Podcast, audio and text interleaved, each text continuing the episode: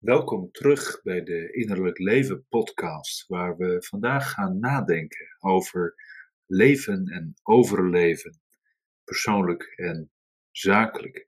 Dus herken jij survival mechanismen in jezelf, maar misschien ook wel in je bedrijf, in je ondernemerschap, dan is deze aflevering zeker ook voor jou. Leven en overleven zijn woorden die we vaak in een context horen waar mensen al een beetje bewust zijn van zichzelf. Ze hebben in de gaten dat ze vastlopen in ingesleten gedragspatronen bijvoorbeeld. Ze hebben in de gaten dat hun ondernemerschap eigenlijk angstgedreven is of tekort gedreven is. En op dat soort momenten kan zomaar de term van overleven of het hoofd boven water houden, of misschien wel survival even om de hoek komen kijken. En natuurlijk is het ook een terminologie die we heel vaak tegenkomen als het gaat om het gezondheidsaspect van psychologie. Denk aan trauma, denk aan burn-out, denk aan mensen die vanwege de coronamaatregelen, de corona-omstandigheden bijvoorbeeld, al lange tijd eigenlijk aan het vechten zijn met financiële problemen, personele problemen of gewoon problemen die hun persoonlijke leven aangaan. En als we een beetje kijken naar de resources voor ons leven, die op dit moment ook onder druk staan, denk aan de huizenhoge prijzen voor grondstoffen, toevoer, eh, gas, elektra, ga ze nog maar even door, dan is die schaarste misschien wel een belangrijke voorbode voor survival mechanismen die we allemaal op een of andere manier voelen. Voor de een kan dat misschien te maken hebben met een beetje minder de sauna of de gashaard aanzetten. En voor de ander is dat veel urgenter. Ik sprak laatst nog een ondernemer die ontzettend bezorgd is over de gasprijzen, simpelweg omdat in zijn branche al verschillende collega's om die reden op zwart zaad zitten. Nou, dan hebben we het over overleven. Ik wil vandaag met je kijken wat het nu eigenlijk inhoudt. Wat het onderscheid is tussen die twee, tussen leven en overleven wat hen ook bindt en wat essentieel is wanneer je dit bij jezelf herkent en je wilt de beweging maken. Ik ga ervan uit dat je niet graag in een overlevingssituatie terechtkomt. Dus hoe kom je nu van survival naar levenskracht en levensvreugde? En verwacht dan geen romantisch verhaal, maar een realistisch verhaal over hoe die zich tot elkaar verhouden en hoe je daar toch op jouw manier invloed op kunt hebben. Om te beginnen is het natuurlijk een wonder dat wij als mensen zo ontzettend veel kunnen hebben. Dat we zo veerkrachtig zijn. Niet ieder mens ziet er ook veerkrachtig uit, maar als je eens even ziet wat een, een baby of een peuter al aan letsel kan verdragen, van de trap kan vallen, van de commode kan vallen, van een fiets kan vallen. Ja, je hoort het goed, dit is allemaal autobiografisch materiaal. Dan sta je toch wel eens versteld over de veerkracht van de menselijke structuur, maar ook de menselijke geest. Daar letten we dan misschien bij kleine kindjes wat minder nadrukkelijk op. Maar wanneer mensen nadrukkelijker volwassen worden en toch ook mentaal iets moeten doen om het leven het hoofd te bieden, kun je versteld staan van de veerkracht van mensen. Hoe ze tien of vijftien jaar lang in een oorlogsgebied kunnen leven en dan toch verbondenheid met hun familie of hun gezin houden. Hoe ze de kop erbij houden om elke dag eigenlijk weer iets van het leven te maken of te zorgen dat er een zo grote mogelijke mate van veiligheid is. Nou, dat zegt iets van de ontzettende survivalkracht die we hebben. En als je je oriënteert op bijvoorbeeld de Wim Hof methode, om maar een bekend voorbeeld te noemen, dan zie je dat er nog veel meer natuurlijke resources in ons aanwezig zijn dan we met ons luizenleventje tegenwoordig toegankelijk maken voor onszelf. Dus er is nog veel meer potentieel wat we niet eens aanstippen. En toch hele grote survival mechanismen. En we kunnen heel veel hebben. We gaan niet zo makkelijk dood, plat gezegd. En dat is misschien meteen wel de belangrijkste ingang in survival versus leven. Leven versus overleven. Want wanneer we over het leven praten, dan moet dat misschien altijd wel lijken op dat het mooi is, of de moeite waard is, of leuk is. Nou, ik ben er heel erg voor om het leven ontzettend de moeite waard te maken. Maar overleven hoort wel bij het leven. Wij allemaal kennen onze situaties waarin we overlevingsstrategieën nodig hebben. En dat is niet iets om je voor te schamen. Het is ook niet iets om in een soort onwenselijk hoekje te positioneren. Ik denk dat het eigen is aan het leven dat we soms op ons standvlees moeten lopen. Of dat we moeten zorgen dat we in leven blijven. En natuurlijk zeggen we dan vaak, nou in ons rijke Westen hebben we maar weinig om te overleven, want het is hier allemaal zo veilig. Nou, dat betwijfel ik. Als je survival responsen betrekt in de breedste zin van het woord, denk aan onveiligheid, onvoorspelbaarheid in je bedrijf, in je gezinsleven, in waar je aan toe bent met je, bijvoorbeeld je persoonlijke gezondheid, hoe het zit met sociale veiligheid, kun je ieder moment een mes in je rug krijgen, ben je onveilig door een belastingsschuld of een dreigend faillissement, ik noem maar wat. Ik denk dat ook een casus als de toeslagenaffaire wel laat zien dat ons ogenschijnlijk rijke en welvarende Westen, ons Nederlandje waarin alles goed geregeld lijkt te zijn, helemaal niet zo veilig hoeft te zijn. Ieder van ons kan te maken krijgen met overlevingssituaties. En dat is dan misschien niet meteen met de honkbalknuppel bij het pompstation, maar er zijn genoeg overlevingsreacties denkbaar. En als je daarbij nog bedenkt dat bijvoorbeeld ook een hartinfarct of een ernstige ziekte of een enorm ingrijpend moment in je leven ons op scherp kan zetten en dagen, weken of zelfs maandenlang kan bepalen dat we in een bepaalde survival toestand terechtkomen, dan is die survival niet zo ver weg. En hoeven we daar niet voor naar een oorlogsgebied in het oosten van Europa of in een Afrikaans land naar keuze. Het laat ook wel een beetje zien dat overlevingsreacties de mens eigen zijn. Eh, nogmaals, wij halen vermoedelijk niet alles uit onze aangeboren, ingegeven veerkracht, omdat het misschien niet helemaal nodig is. En juist onder druk leer je jezelf wat dat betreft beter kennen, ook in je verdedigingsmechanismen, je survivalmechanismen. Maar we kunnen heel veel hebben en we hebben het ook altijd beschikbaar. Denk om te beginnen gewoon eens even aan de adrenaline en de cortisolspiegels die wij hebben. En die heb ik, maar die heb jij ook. Die zijn eigenlijk behoorlijk universeel herkenbaar. En de adrenalinereactie is voor veel mensen behoorlijk universeel. Natuurlijk onderscheiden we, als het om trauma bijvoorbeeld gaat, ook het vluchten, het vechten, het bevriezen. En die systematiek die wordt in verschillende terminologieën door verschillende deskundigen ook vaak wel wat anders beschreven. Maar in essentie begrijpen jij en ik precies wat we ermee bedoelen. Je kunt als het ware al op de loop gaan terwijl de ander nog als aan de grond genageld zit. En weer de ander misschien zijn vuisten balt, witte knokkels krijgt en daar tegenin lijkt te willen gaan. Allemaal hebben we onze eigen overlevingsmechanismen. Maar lichamelijk gezien, dat hart, die bloeddruk, die spierspanning, die grote pupillen en gaan zo maar door. Dat is toch behoorlijk universeel geregeld. Dus vanuit onze eigen overlevings reactie kunnen we heel veel in het leven het hoofd bieden. Maar we hebben het ook altijd binnen handbereik. En natuurlijk, en ieder die daar ooit mee te maken heeft gehad, weet dat juist die overlevingsreacties bepaald geen rationele dingen zijn. Je doet het al voor je er erg in hebt. En reflexmatig eh, schiet je vuist uit, of draai je je hoofd weg, of slaak je een gil en daarna zie je pas waarom je het gedaan hebt. Overlevingsreacties koppelen die in de psychologie altijd aan het zogenaamde reptiele brein.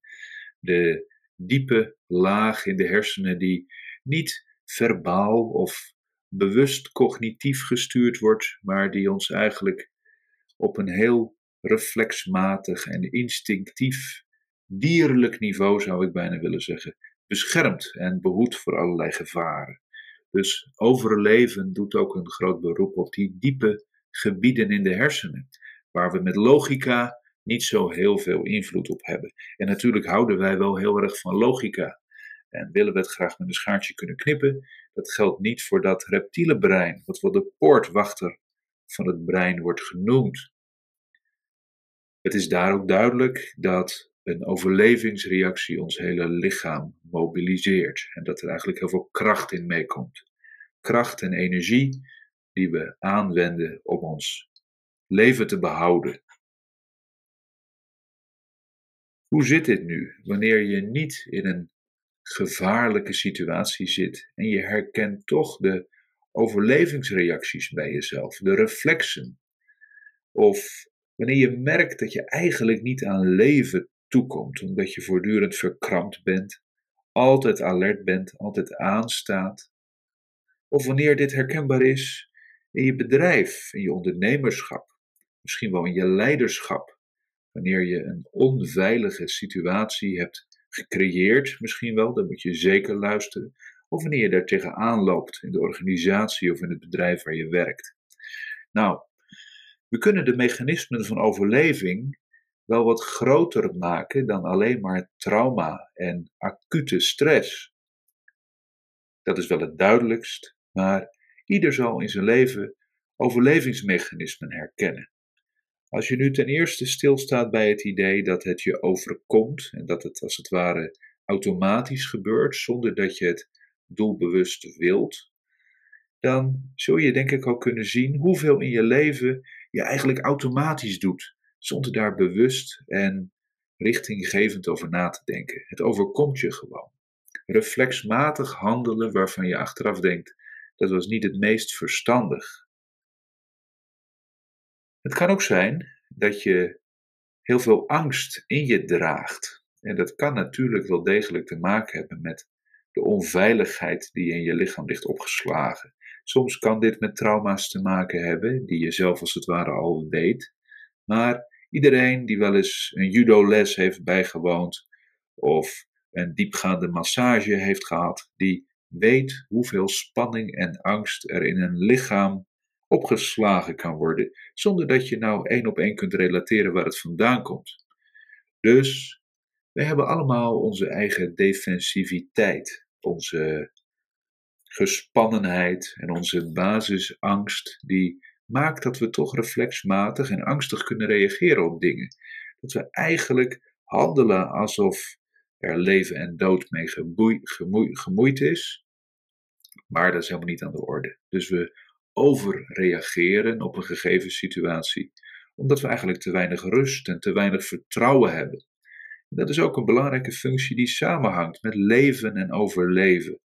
Want je kunt pas aan leven toekomen wanneer er een zekere bestaansbodem is, wanneer je stevigheid en fundament voelt, van binnen weet dat het wel goed komt.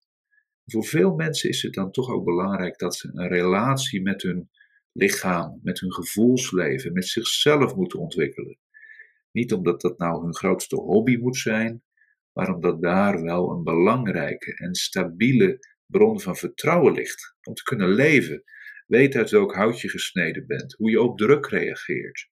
Weet hoe het is om angstig te zijn en toch te blijven ademen. Het zijn allemaal gegevens die ons een bepaalde controle, of op zijn minst bekendheid kunnen geven met onze eigen angsten en onze eigen overlevingsreacties. Heb je dat nou niet ontwikkeld, kan het dus zijn dat je angstig bent in je leven, maar ook in je ondernemerschap. Dat je voortdurend spanningsvelden, conflicten mijdt. Dat je risico's niet echt durft te nemen. Of dat je mentaal eindeloos bezig bent met het indekken van die risico's of het rationaliseren ervan. Misschien maak je keuzes die vooral op veiligheid zijn gebaseerd. Dat klinkt natuurlijk altijd heel erg goed, want veiligheid en soliditeit is belangrijk. Gebruik je verstand. Maar als hier angst achter zit, waardoor je eigenlijk iets niet helemaal durft aan te gaan, dan spreekt er een hele andere geest uit. En je zult het wel weten als je dit hoort. Dus vraag jezelf dan af: ga ik nou in mijn leven, maar ook in mijn ondernemerschap, ga ik naar dingen toe? Beweeg ik ergens naartoe of beweeg ik ergens vandaan? Als je vooral ergens vandaan beweegt, eigenlijk iets aan het vermijden bent, ga er dan vanuit dat er nog een behoorlijke dosis van overlevingsreacties in jouw ondernemerschap of in je levenskunst zit. En zie dit vooral niet als iets slechts. Nogmaals, overleven is ons ook eigen. Maar vraag jezelf wel af of dit niet je leven als zodanig en dus ook je zakelijke leven in de weg staat. Want we geven heel veel energie uit aan angst. Denk maar eventjes terug naar het voorbeeld van de concrete levensgevaarlijke situaties. Als er veel adrenaline is, geven we in een relatief korte tijd ongelooflijk veel energie weg. En dat is het allemaal wel waard als het gaat om leven of dood. Maar long term is dat niet houdbaar. Dat geldt eigenlijk voor de meeste overlevingsreacties. Ze zijn van levensbelang wanneer het om een korte termijn gaat. De cruciale 10 seconden die je leven redden. Als het daar niet was gebeurd, nou, dan hadden we heel anders tegen de zaken aangekeken. Maar je kunt een overlevingsreactie niet maandenlang volhouden. Zeker niet als dat een hele krachtige overlevingsreactie is, dan raak je uitgeput en vervreemd van jezelf.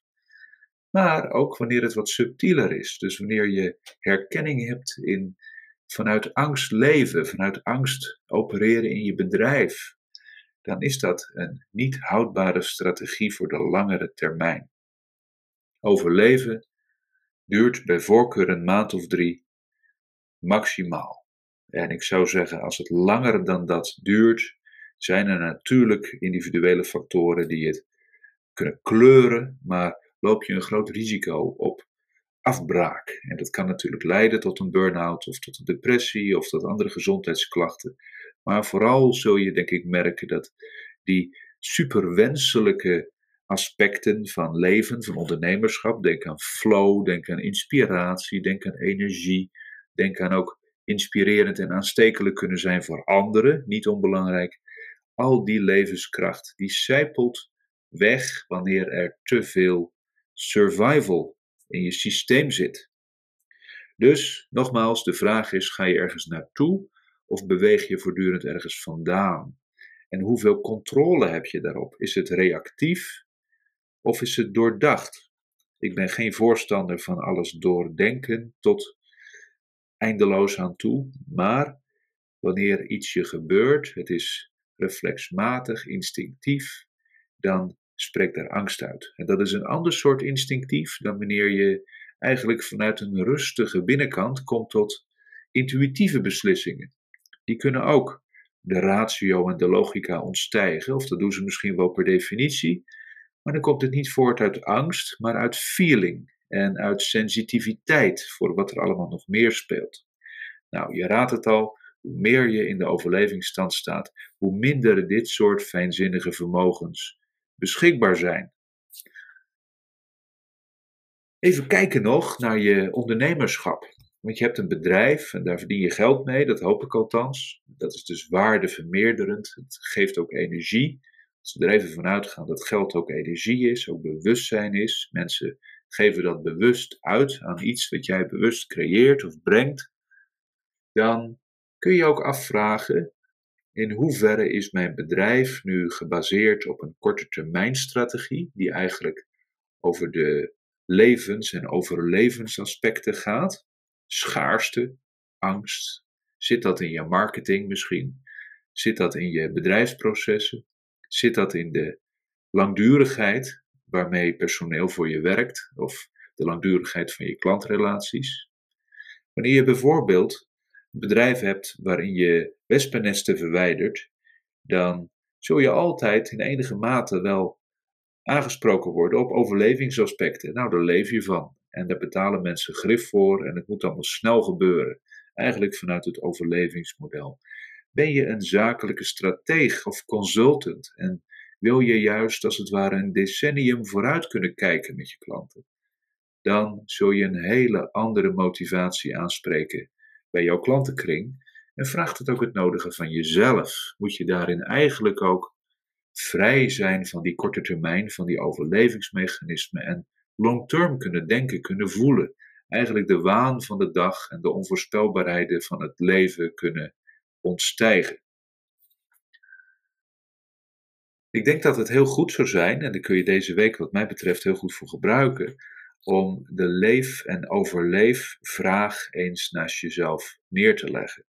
En op persoonlijk vlak zou ik dan vooral de vragen neer willen leggen. In welke mate word je geleid en geleefd door reflexen en angsten? In welke mate ben je alert, angstig en sta je altijd aan? En in welke mate beweeg je nu ergens naartoe, wat je leven dus eigenlijk verbetert? En in welke mate beweeg je vooral bij de dingen vandaan, angstgedreven dus? Het is mijn liefste wens dat zoveel mogelijk mensen juist door de schoonheid en de liefde voor het leven gedreven worden. Dat ze als het ware niet uit schaarste en tekort en angst, de angst om dood te gaan, bezig zijn. Want doodsangsten zijn bijzonder motiverend en bijzonder urgent en gaan natuurlijk over ons bestaan. Dus hoe belangrijk wil je het hebben? Maar als we iets willen bouwen vanaf die stevige grond, dan moet het toch echt ook over het leven kunnen gaan. En als het gaat om je ondernemerschap en om je leiderschap, mocht je directeur zijn, bestuurder, CEO met een ondoorzichtig personeelsbestand onder je, die je onmogelijk allemaal kunt bereiken, maar toch eigenlijk wel wilt beïnvloeden door wat je in je organisatie betekent. Stel dan de korte en de lange termijn vraag. Zoals geluidsgolven een verschillende lengte van golven kunnen hebben, de geluidstrillingen die een verschillende frequentie vertegenwoordigen, zo zou je kunnen zeggen dat survival mechanismen een korte doorlooptijd hebben, heel intens zijn en dan weer uitgewerkt zijn, terwijl juist de dingen waar je op wilt kunnen bouwen, denk ik, in je leiderschap, de strategie die je neer wilt kunnen zetten, veel meer recht moet doen aan een rustiger golf die over het leven gaat. En je raadt het al, als er overlevingsreacties met alle impulsiviteit, onvoorspelbaarheid en intensiteit van dien daarin een te grote rol hebben, dan bedreigt dat de koers van je leiderschap. En dat geldt natuurlijk ook je persoonlijke leiderschap, als het om je leven gaat, om je carrière, om wat je hier eigenlijk wilt betekenen en wat je grootste missie is, het leiderschap over jezelf. Maar natuurlijk geldt het ook voor je mensen. Ik hoop dat deze aflevering wat licht heeft gegeven over overleven en leven, hoe ze onlosmakelijk met elkaar zijn verbonden en hoe je voor jezelf kunt bepalen hoe het er eigenlijk met je voor staat. En vraag je ook af welk potentieel het in zich draagt wanneer je uit de survival mechanismen kunt ontsnappen. Ik wens je een fantastische week en heel graag tot de volgende aflevering.